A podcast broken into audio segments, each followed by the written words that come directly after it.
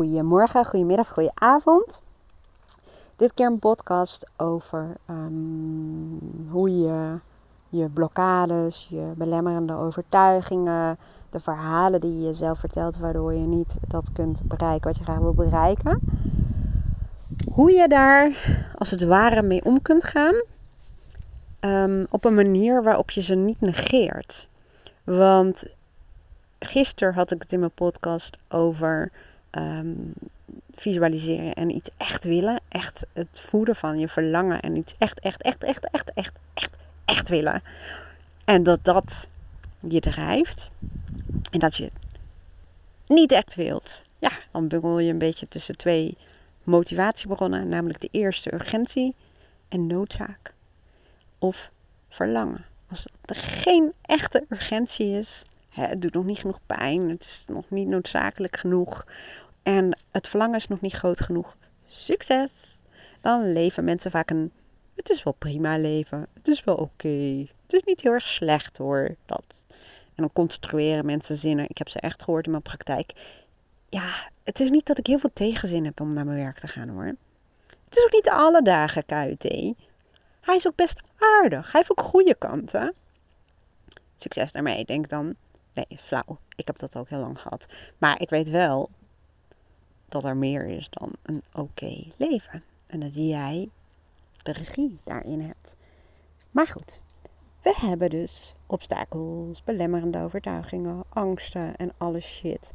Waarom we ons lekker gaan saboteren en waarom we in één keer allerlei zogenaamde problemen introduceren. Waarom we toch niet de stappen kunnen zetten die echt nodig zijn. Want ons brein is heel vernuftig om ons in het oude vertrouwde en dus het veilige te houden. want ja, ons brein heeft immers bewijs dat het oude vertrouwde werkt. Want we leven nog. Dat is het ultieme bewijs. Dus why? Waarom zou je in godsnaam uh, allerlei dingen willen gaan veranderen of iets willen veranderen? Goed, hoe kun je daarmee werken? Nou, er zijn heel veel methodieken en ik ga ze niet allemaal nu uitleggen, want dan is het zometeen, uh, zijn we drie uur verder. Ik ga er eentje uitleggen. Um, en dat is namelijk het mee-visualiseren. Ik had het er gisteren over van um, dat het helpt om een heel duidelijk beeld te creëren. Waarin je emotioneel betrokken bent. Die je gewoon als een filmpje voor je kunt zien, maar ook kunt voelen. Alsof het bij wijze van spreken al zo is. Het is een feitpunt. Dus we zijn onderweg. Alleen visualiseren we dan vaak ehm, eh, de uitkomst. Terwijl er is ook een weg daar naartoe. En het leuke is, vind ik dan, hè, om dat proces ook te visualiseren. En wat bedoel ik daarmee? Bijvoorbeeld, waar ik mezelf nog ernstig in saboteer, is toch um, nog succesvoller worden met mijn online business. Het loopt, het rijdt en eigenlijk is het dan heel bijzonder gezien uh, de versnipperde uh, marketing en, en, en dingetjes die ik ervoor doe. Het slaat eigenlijk helemaal nergens op. Echt, de strategie is echt ongelooflijk ver te zoeken. Terwijl ik weet echt allemaal hoe het werkt hoor. Daar gaat het dus niet om. Dat weet ik ook. Dus mijn brein is een beetje aan het klooien met mij. En um, ik merk ook als ik maar iets um, energie erin steek en, en een, beetje iets doe wat richting strategie gaat, dan bam, bam, bam, bam, bam, bam, dan verkoop ik gewoon heel makkelijk. En toch doe ik niet wat ik zou moeten doen. En ik ga daar nu helemaal niet heel erg op in, heel diep, want nogmaals, dan zijn we een tijdje verder. Maar wat je in zo'n geval kan doen, en dat heb ik ook gedaan en dat ben ik ook nog aan het doen, is dat je als het ware mee visualiseert het proces naar de uitkomst toe. want de uitkomst, ik weet dat mijn uitkomst, als het gaat om mijn online business, daar is mijn reden nog niet groot genoeg. Dus daar mag ik mee aan de slag verder om nog meer voor me te zien um, hoe dat voelt, hoe dat is. Hè, mijn why, mijn waarom. om, om die nog meer te verstevigen. Dat is één. Maar je kunt ook, uh, ik, ik kan voor mezelf ook visualiseren hoe de weg daar naartoe was, naar uh, de uitkomst. En dat is bijvoorbeeld dat ik mezelf zie, of dat ik me naar een voorstelling van probeer te maken. En het helpt heel erg om niet zozeer jezelf te zien vanuit afstand, want je hebt verschillende visualisatietechnieken. Um, en wat bij mij en mijn klanten in ieder geval het meest goed werkt, is om het vanuit jou te doen. Dus dat je niet jezelf ziet als een toeschouwer, maar dat je ja, in jezelf gaat staan. En je kunt daarmee afwisselen. Want soms helpt het juist om het wel even op afstand te kijken. Soms is het voor je brein ook fijn om het eerst even van een afstandje te kunnen kijken en dan weer in jezelf te stappen. Net als als je graag naar Spanje op vakantie wil, kun je meerdere dingen doen. Je kunt jezelf daar zien liggen op een lichtbedje bij een zwembad of in de auto zien rondrijden. Maar je kunt ook proberen je voor te stellen wat je ziet als je op dat bedje ligt. Wat zie je dan? Ik lig nu op een bedje, dus ik zie mijn voeten en ik zie de zon.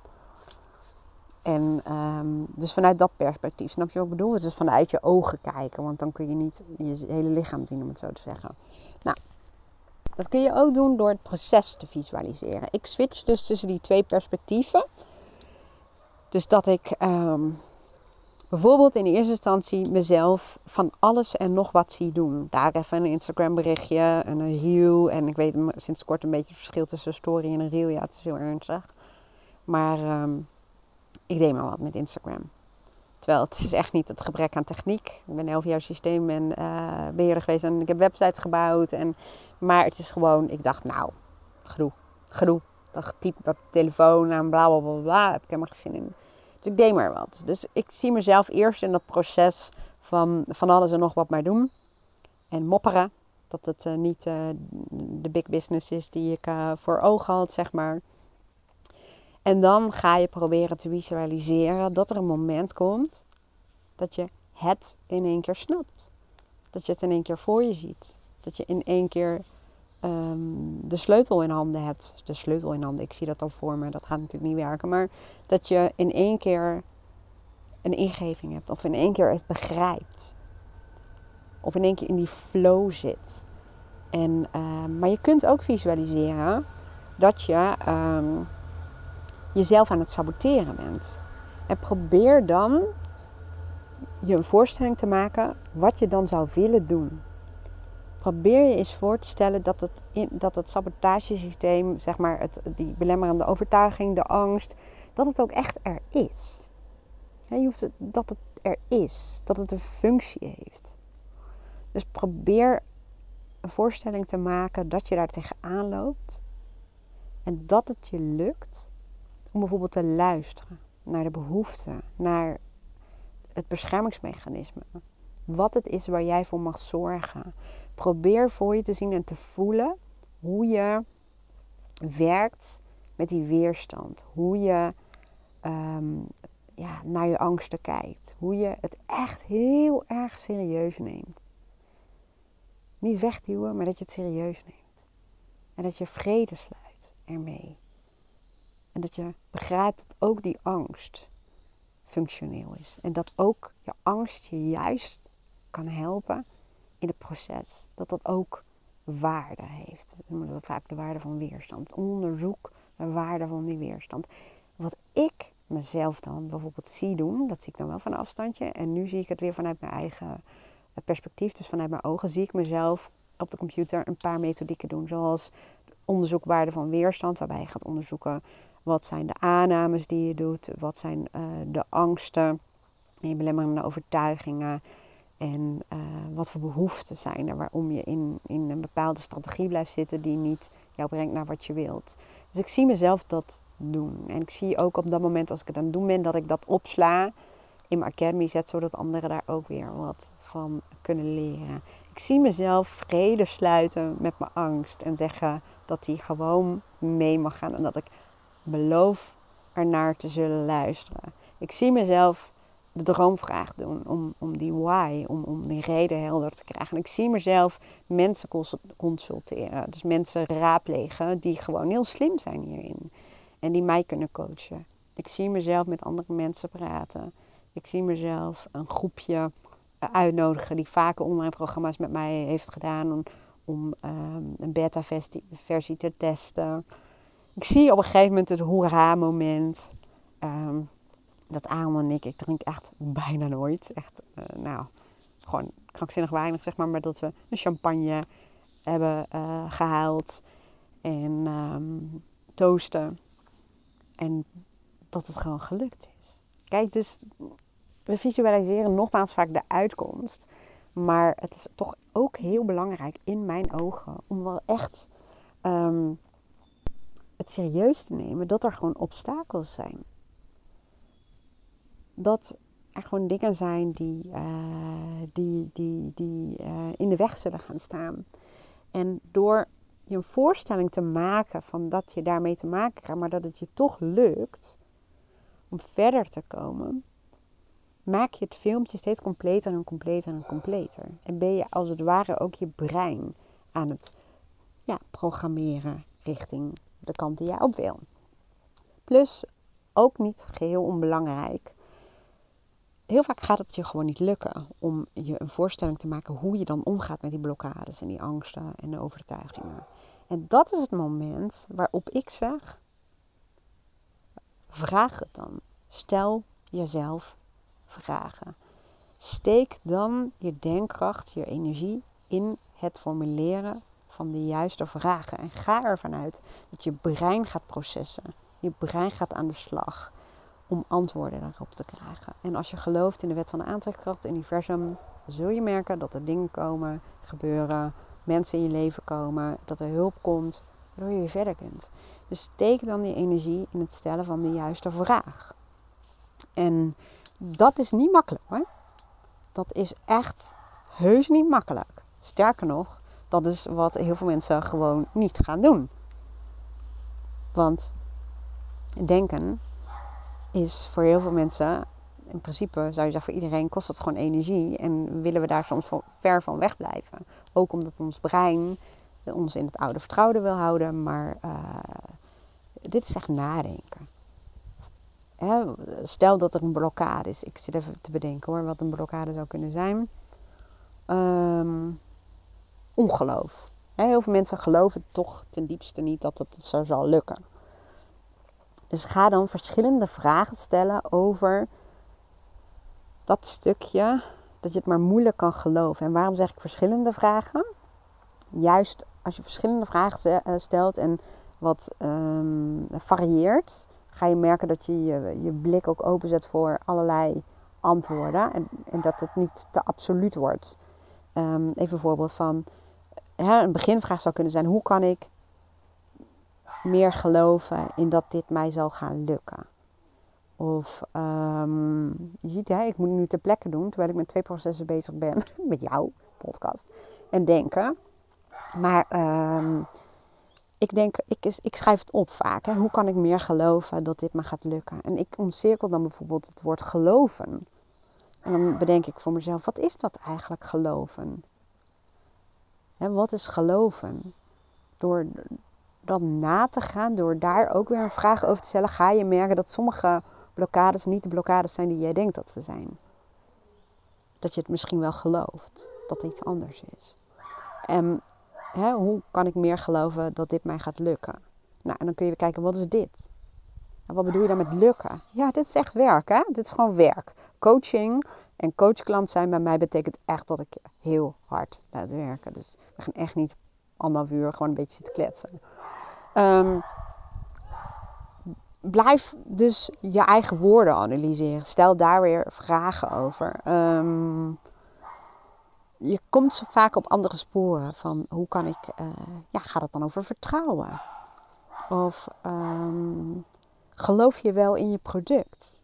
dat, er komen allerlei dingen dan vaak naar boven en daar kun je weer vragen over stellen. Maar de, de effort die je steekt in het stellen van de goede vragen, joh, dat is heel verhelderend. Het proces van vragen stellen is heel verhelderend, maar de antwoorden die zullen volgen ook.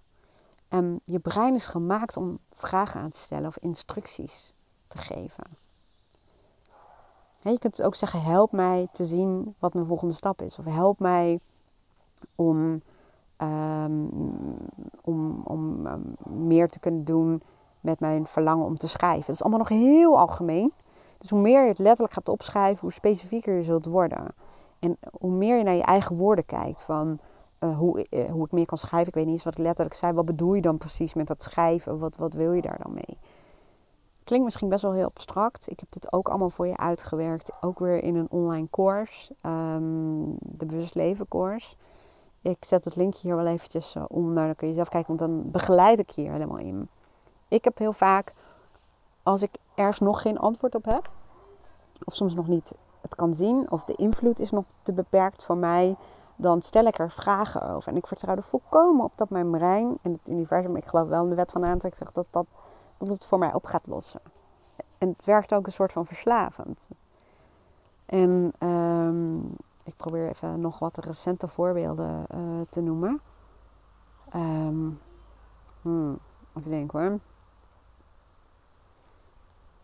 Nee, ik krijg heel veel voorbeelden, maar die zijn van Aaron, dus daar ga ik hem mooi even niet delen. Uh, ja, bijvoorbeeld, ik heb uh, weet ik veel, een half jaar geleden, ik weet al niet meer hoe lang, weet ik niet, merkte ik dat ik echt een aantal zulke leuke klanten had. Ik dacht, ik wil meer van dat soort klanten. Ik ben er ook vragen over gesteld. Hoe kan ik meer klanten aantrekken zoals die en die? En dan krijg je een vervolgvraag.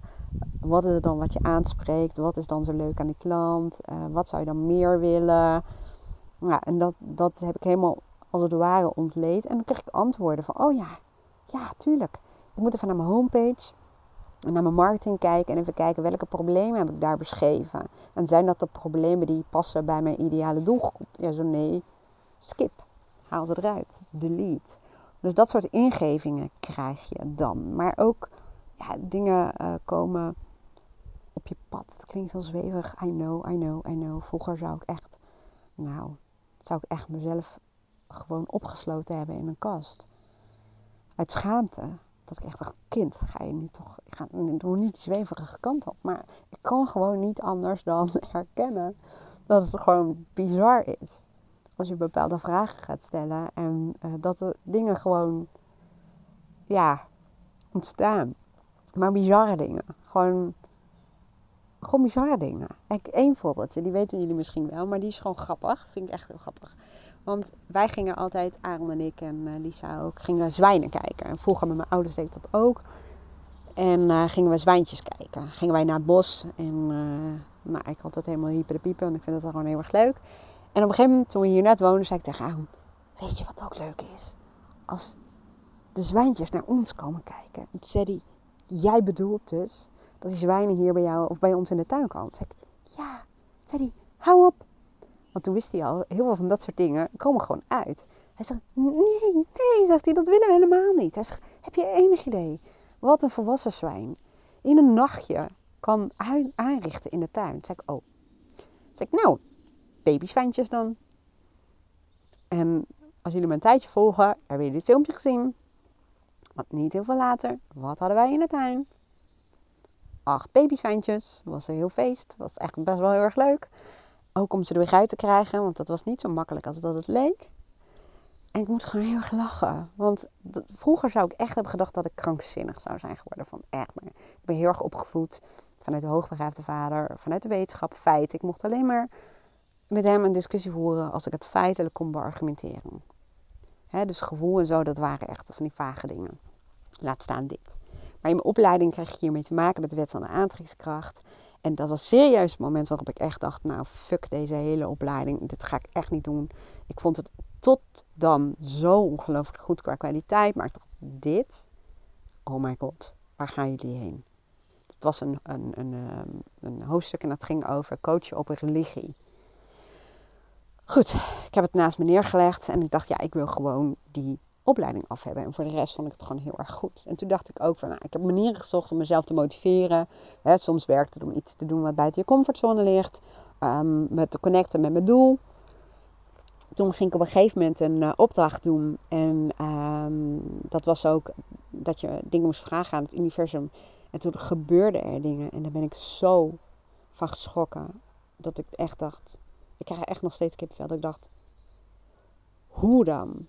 Hoe dan? Ik kan het niet vertellen, want het gaat niet alleen over mij. Maar ik werd zo, ik werd gewoon serieus bang. Ik dacht, wat is dit voor graag toestand? Ik dacht, ik ga het gewoon niet meer doen. Ik, nee, dat was het tweede moment dat ik dacht, ik stop hiermee. Toen dacht ik, ja, maar ik wil verder. Dus ik ging opnieuw die oefeningen doen.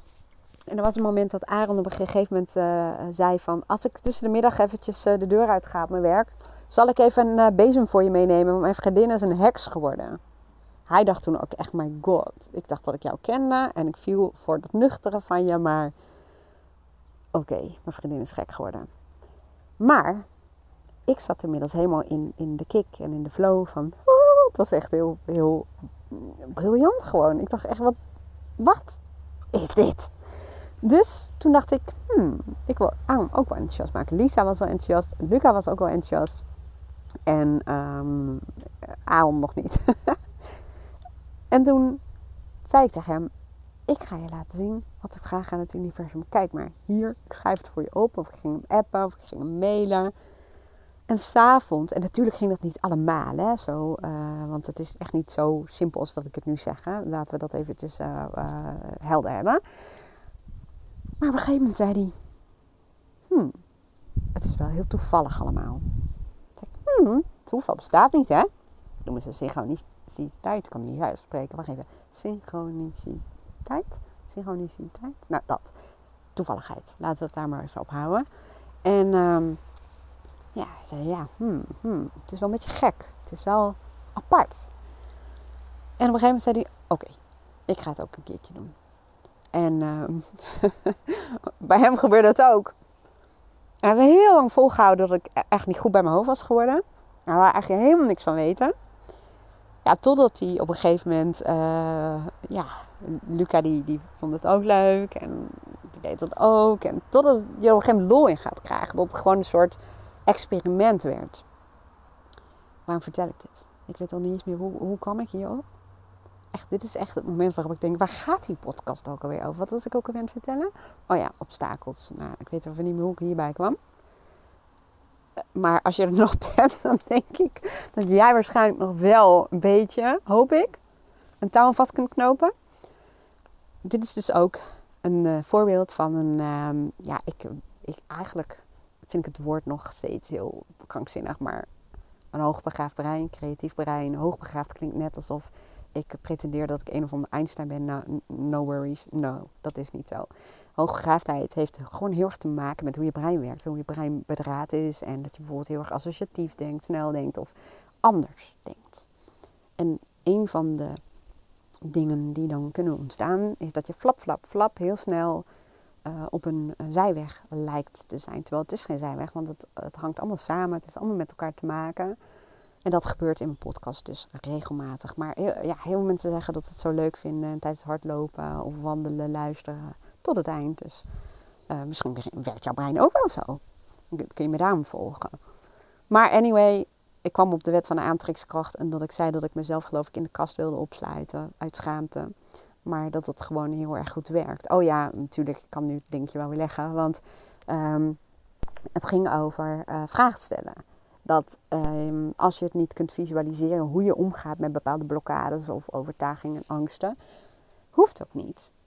Dat is ook het moment waarop je dus um, aan je eigen brein vragen kunt stellen of aan het universum. Om, je, om dat voor je op te lossen, om je dat te laten zien, om je daarbij te helpen. Om mensen in je leven te brengen of manieren waarop je toch dat kunt doen wat je wil. En ik sluit even af met twee dingen. Want ten eerste is de start natuurlijk wel. Als je begint met het uh, visualiseren van de uitkomst, is het wel heel belangrijk. Zie je vorige podcast dat je het ook echt wilt. Onderzoek of je iets echt wilt. Want weet ook dat we heel vaak beelden, visualisaties hebben die in ons hoofd zijn geprent door iemand anders, door de wereld, door de maatschappij, door wie dan ook. En dat het eigenlijk niet jouw werkelijke verlangens zijn. Dat kan namelijk ook een reden zijn waarom je niet krijgt wat je wilt. Omdat je denkt dat je het wilt. En het is een geadopteerd beeld. Het is niet van jou. Dat kan namelijk ook heel erg meespelen. Dus het is echt wel heel belangrijk dat je het echt voelt. Daarom zeg ik ook, Visualiseren, vision board, superleuk, helpt heel goed. Behalve als je niet die emotionele betrokkenheid voelt. Je moet hem voelen. Je moet hem voelen. Je moet hem voelen dat dat is wat je echt, echt, echt Dat je echt weet wat de reden is waarom je het wilt. Dat is, ik kan het wel helemaal zitten uitleggen, maar dat is toch voelen. Dat is ervaren.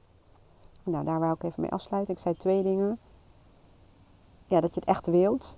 En dat je dus ook um, niet alleen de uitkomst visualiseert, maar ook de weg er naartoe, inclusief de obstakels die je al kunt voelen en, en die je verwacht. Nou, ik hoop dat je weer wat aan had. Ik ging geloof ik in de zon liggen en vrij nemen en zo, maar ja, ik vind het zo leuk. Dat voelt ook als vrij zijn. Maar nu ga ik denk ik echt even lekker liggen. En zelf even een podcast luisteren of een boekje lezen of whatever. Maar nou van genieten van de herfstzon. Ik wens je een hele mooie dag en heel graag tot de volgende keer. Doei!